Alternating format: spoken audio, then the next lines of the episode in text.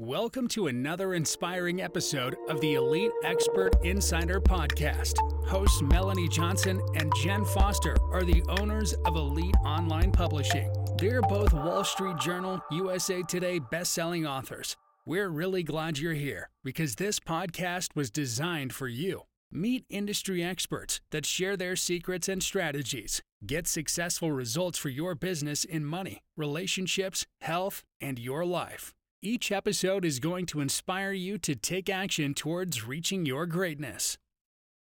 Hey everyone, it's Melanie Johnson. Thanks for joining us today. We have another great podcast. I'm here with my co host, Jenn Foster. Hey, Jenn. Hey everyone, how's it going today? Well, I'm having a great day. We have a sales maven with us today, Nikki Rausch. She has written not one, not two, but three books all about sales, closing, conversion. And I want to totally pick her brain for us because, you know, that's one of business's biggest challenge is sales, leads, conversion, all of that. And she is an expert. So, Nikki, thanks for joining us today. Thank you. Thanks for having me. Well, tell us, Nikki, how you got into sales and how you came about the process to write in your books. Well, I got into sales early on, and uh, my first professional sales career actually came from a college project, and it led me to the the kind of the idea of being able to control my income based on my ability and work ethic. So I love that. And I had a lot of success in sales. I was I've I have over 25 years of sales experience and while I was, you know, in that tech space, I worked in the tech space and learning how to sell. I also started studying neurolinguistic programming. And I don't know if that's a new term to anybody listening. It sounds super scientific, I think, but it's really the study of communication. And I started studying it because I thought it would make me better at sales. And it did. And it made me a much better communicator. And so when I decided to start my business in 2013 of teaching people how to sell, it was by combining what I'd had a lot of success with in my sales career, but also with my NLP background and teaching people how to have more strategic sales conversations. So you have in one of your books, The Selling Staircase, you have five steps. Mm-hmm. Through the first step, we want to go through all five steps, but okay. first step to get us going here? So, the first step, so just to give a background, the five steps of a sales conversation is my signature framework. And the idea behind, and I teach it, it's called the selling staircase. And the reason for the staircase is because most people understand that you go up a staircase one step at a time. And so the first step in the selling staircase is what I call the introduction step. This is when people are being exposed to you or exposed to a concept that you have to offer them. So it's that first kind of impression. And the mm-hmm. idea in this first step is to make sure you're making a powerful first impression and setting yourself and the other person up for success.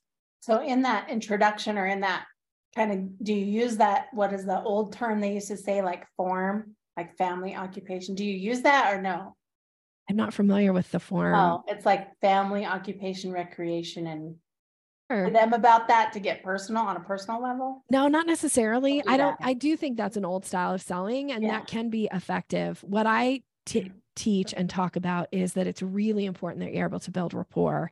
Now that what you're talking about is one way to build rapport with people, but there's uh-huh. other ways to build rapport with people when you first meet them. It's paying attention to their mm-hmm. communication style, paying attention to their rate of speech, for instance. This is a really simple one everybody can do is when you're in a conversation with somebody as you listen, are they a fast talker or do they really take their time. And if mm-hmm. you're willing to adjust your rate of speech just a little bit, doesn't have to like, we're not trying to mimic them, but if you're a really fast talker and you're talking to somebody who has a really slower rate, rate of speech, be willing to slow down a little bit because you'll make it easier for them to be in conversation and vice versa. If you're a slower, like slower talker and you're really thoughtful about what you're going to say, and you're talking to somebody who's that got that really fast rate of speech, be willing to speed up a little bit so that they are comfortable in the conversation.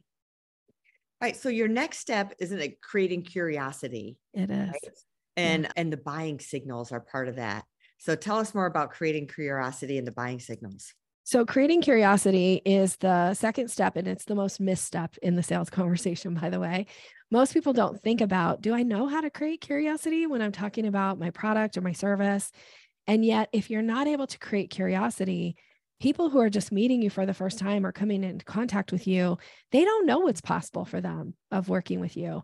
So we want to be able to plant some seeds in conversation so that people want to have a real conversation with you. To mm-hmm. me, sales is something that you do with people, not to them. And I think that's kind of one of the misconceptions is people think, oh, I got to convince people to buy from me. You absolutely do not need to convince anybody. Mm-hmm. What you do need to do is collaborate. And one of the ways that happens is through conversation. And the way that you create conversation is you make it easy for people to ask you questions. Hmm. I like that. Making how do you make it easy though? Like just be open or like how you make it easy by the way you answer a question that somebody would ask you. So for instance, if somebody said, "Oh, how are you today?" you could say fine, but that doesn't create any conversation, right? Mm-hmm. You could say something though that would give them a little nugget to pick up on that they could then follow like a thread in a conversation. So instead of saying, "Oh, I'm fine," I might say, "Oh, I'm great. I've been working on a new project I'm really excited about." Because then the person could go, Oh, well, what's the new project? Or you could say something about your business. You could say, Oh my gosh, I just signed up this new author. Really excited about the content they're going to put out into the world. That would allow somebody to go, There's a lot of questions I could ask to that answer, right? I could say, well, how do you help somebody do that? Or what's the topic they want to talk about? Or what's the thing that makes it so exciting, right? It gives people something to ask you versus just like, okay, well, I'm fine. How are you? I'm fine. Okay, what do we talk about next? Yeah, I like that. It's like you're almost seeding the conversation. Yeah. You're giving them a reason. You're controlling the journey versus the journey just being out there, right? Exactly. It's going nowhere. Wherever it happens, we'll just see. But if you can c- control it, it's much better. Okay, so the next step is discovery, right? Tell us about what does discovery mean when you're going on this journey?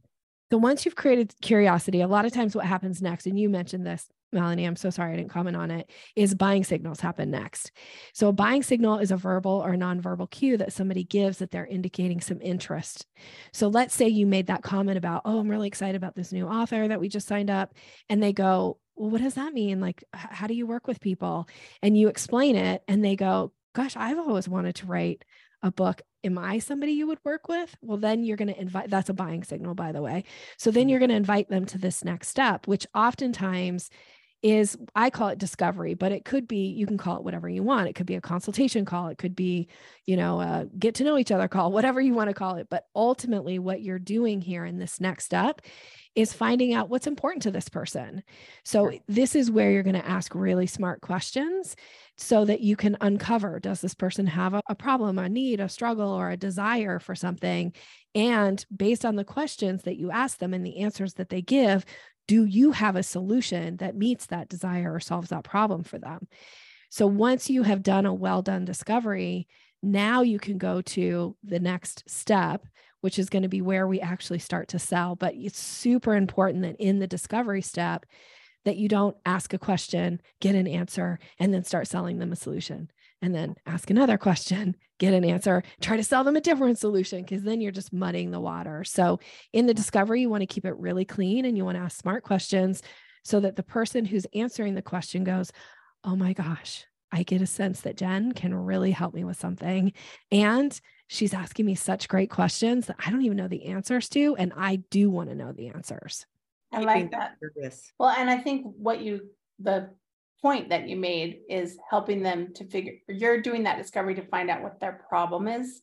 Not necessarily so you can solve the solution right then and sell them but really find out what their needs are and really get to know them first in that discovery which i really like that because a lot of times you do feel like people aren't really listening and then they just try and sell you. But if they're really good at it they're really finding out what your needs are and what your problems mm-hmm. are yeah, there's nothing worse than having somebody just show up out of the blue and be like, So, Jenn, I looked at your website. You should totally buy from me because this, this. And you're like, Well, first of all, who are you? And I didn't even indicate that I was even interested in what it is that you're selling me. And that's right. such a break in rapport. Oh yeah. And, and, we're just so so sick of it, right? We get bombarded oh, yeah. with it all day long. So when you can show up with a little bit of a different approach, when you can show up from this place of this is a collaboration, this is a conversation, and mm-hmm. hey, if through the end of the discovery session I don't have a solution for what it is that you're looking for, I'm just going to bless and release you. I'm not going to try to convince you that you do have a problem problem. It's the person who, to me, it's like somebody walking around with a piece of paper and giving you like a thousand paper cuts and then go, Oh, bless your heart, sweetie, you're bleeding and I sell band aids. You should buy one. Like, no, that's not how it works. I like that analogy. Yeah, I think I deleted at least five emails today that were just emails that said, Oh, I have exactly what you need and let me sell you. And that's, I just deleted them. And I think I get about 10 LinkedIn messages a day about that too. Yeah. And they're not even asking me about me or my company. They're just saying, Hey, buy mine, buy mine, buy mine. and aren't you just so sick of it? Yeah. I know I am too. So the next stage is the proposal stage. Walk us through that. So proposal sounds really formal. And in some businesses, it would require something that is formal. Maybe in your guys' business, it would be something where there's going to be a contract involved and they need to sign on the dotted line. But what I mean here is this is where you start to sell because you've under you now you understand what their need is. And now what you're going to do is you're going to really step into your place of credibility and authority and you're going to recommend a solution to meet the need or solve the problem. So, this is that place where you want to be really clear as to what that next step is. Because if you just say to somebody, so there's lots of ways to work with me, you could check out my website, or, you know, here's this myriad of ways, they don't know what they need. You're the expert. Your job is to be the guide, mm-hmm. recommend what the person needs, not what you think they can afford. There's a distinction there recommend what they need, and then you're going to follow up really closely with step five. Step five and step four have to go together. Unfortunately, most people separate them and they leave too much space. They never get to step five. And so, as soon as you've laid out a really clear offer as to the solution for their problem, then you're going to follow up in step five, which is close, and you're going to issue a close statement. So sometimes I know there's a disconnect. You're finding out, like, you know, where do you ask where their budget is? Like in our business, we have different packages, mm-hmm. and some packages are out of reach for other people, and other people like, I don't want the cheap package, I want everything. Yeah. So, how do you comfortably address that? And when do you address the pricing part of it in this it, theme of conversation? Yeah. So, to me, that's something that needs to be addressed in step three, which is the discovery. So, mm-hmm. especially for what the kind of business that you guys are in, I would think that this is a really important distinction, right? Because if you're talking to somebody and they want a hundred thousand dollar package, or at least that's what it sounds like, but really their budget is 10,000, there's such a disconnect. So we need to ask them, you know, what, what are you looking to invest in something like this? Or sometimes people don't know, right? They have no idea what it would cost to have somebody like you come in and help them get their book on the market. So you might need to give a range. You could say, you know, typically getting a book out can range anywhere from X to Y. Mm-hmm. Based on that, where do you fall as far as budget for this? So do ask that question. Don't shy away from it. Don't be afraid. And if somebody's like, I'm not really sure, yeah or I don't know, I'd like to know what my options are. Then when you get to proposal, you're going to lay out up to three options for them. And you're going to do it top down. By the way, this is known as top down selling. So if you say to them, you know, based on what you've shared, I see that there's possibly three options. You're going to start with the most expensive and you're going to talk about what they get in that top tier package. Then you're going to say, we could also look at a step down from there. That's going to be this. Or if you're just looking for a basic getting started package, it's this. Then you're going to follow up with the close. You're going to say, of these three packages, which is the best fit for you right now? That's the close language. And if you're not saying that to people, they often won't decide. And if mm-hmm. they don't decide, they never get their book out onto the market, right? We have to help them. We have to make it so easy for them to choose an option. And it's totally fine, too, by the way, Melanie, for you to give them three options and say, you know, here are three packages for you. My recommendation would be, and then state what your recommendation would be. Yeah. And then make sure you ask the close question right behind that. Oh, I think it's great that you address the part of instead of just coming straight out and saying, what's your budget, to have like, here's, it starts usually at X and goes to Y. I like how you put that in that conversation because then it mm-hmm. doesn't sound as salesy and you're giving them that you're not giving them the chance to say i don't know like like you're really kind of saying here's yeah. kind of the price range where do you fit so then yeah. they, you're guiding that that conversation again right So you're guiding the conversation so that they can answer those questions. And one of the things I think that we struggle with is that, you know, a book is always seems like a luxury, even though it's a great, we believe it. And I think you do too, because you have three of them about your business, that it's a really tremendous branding tool, marketing mm-hmm. tool, credibility tool. And then they're like, well, it's not urgent, right? So how do you get it to be urgent for them to step over that line instead of them like, well, maybe I'll do it later, or maybe it's not. And so, how do you get going into that conversion rate? How do you get them to, how do you increase your conversion rate, especially on something that's not an urgent must have thing in their mind? One of the, so there's a couple things you can do, but one of the things that comes to mind just based on the way you frame that question is I would want to ask this question in my discovery What has stopped you from actually getting this already out into the market? Mm-hmm. I would want to know what the stop piece was now, they might not know the answer, but when you can ask a really direct question like that, oftentimes our brains are like Google. And if you give our brain a really direct question, oftentimes an answer will bubble to the surface that we don't even know is there yet. So, the way that you get this and you uncover this really important information is that you ask a question that allows for their brain to give them an answer that they might even be surprised when they answer it to you of like, oh, that's the thing that has gotten in the way. And it could be a lot of things, right? It could be that it's time. It could be that they're lacking some mind, they've got some mindset issues. They don't feel credible enough or, you know, accomplished enough or whatever it is. But that's the thing that you need to know mm-hmm. so that when you're delivering back your proposal, as far as the solutions go, that you're really addressing and you're framing the proposal to meet their needs. So if somebody said to me, you know, one of my biggest concerns is I just don't have the time. I don't know how people get a book written. I don't have the time to do that. Well, then when I'm delivering back the proposal, I'm going to make sure that I'm commenting on why this particular package is going to make it so easy for them to budget just a tiny bit of time in their schedule or maybe mm-hmm. i don't know what all your packages are so please forgive me if i'm stating something that's not not in alignment with you guys but maybe it's like there's a reason that we have a package that has a ghostwriter attached to it you know or something like that and then so you're making sure that you're addressing that thing that has stopped them because a lot of times people can have a lot of excuses as to why things haven't got done but until they know what is that, what's that like thing that's getting in the way, which is usually the first step. And if you can help them get that first step, then they're going to get all the other steps afterwards, which is, by the way, why I teach selling as a staircase. Because once you get that first step, it's so much easier to move to the next, and then the next, and then the next, right? Tell us about your master class that you have. I've noticed that on your website. The master classes are classes that I teach once a quarter, and they're specific to sales topics. So it's a deep dive into some sales training. So my most popular one is called The Language of Sales, and it's where I go really deep into these five steps.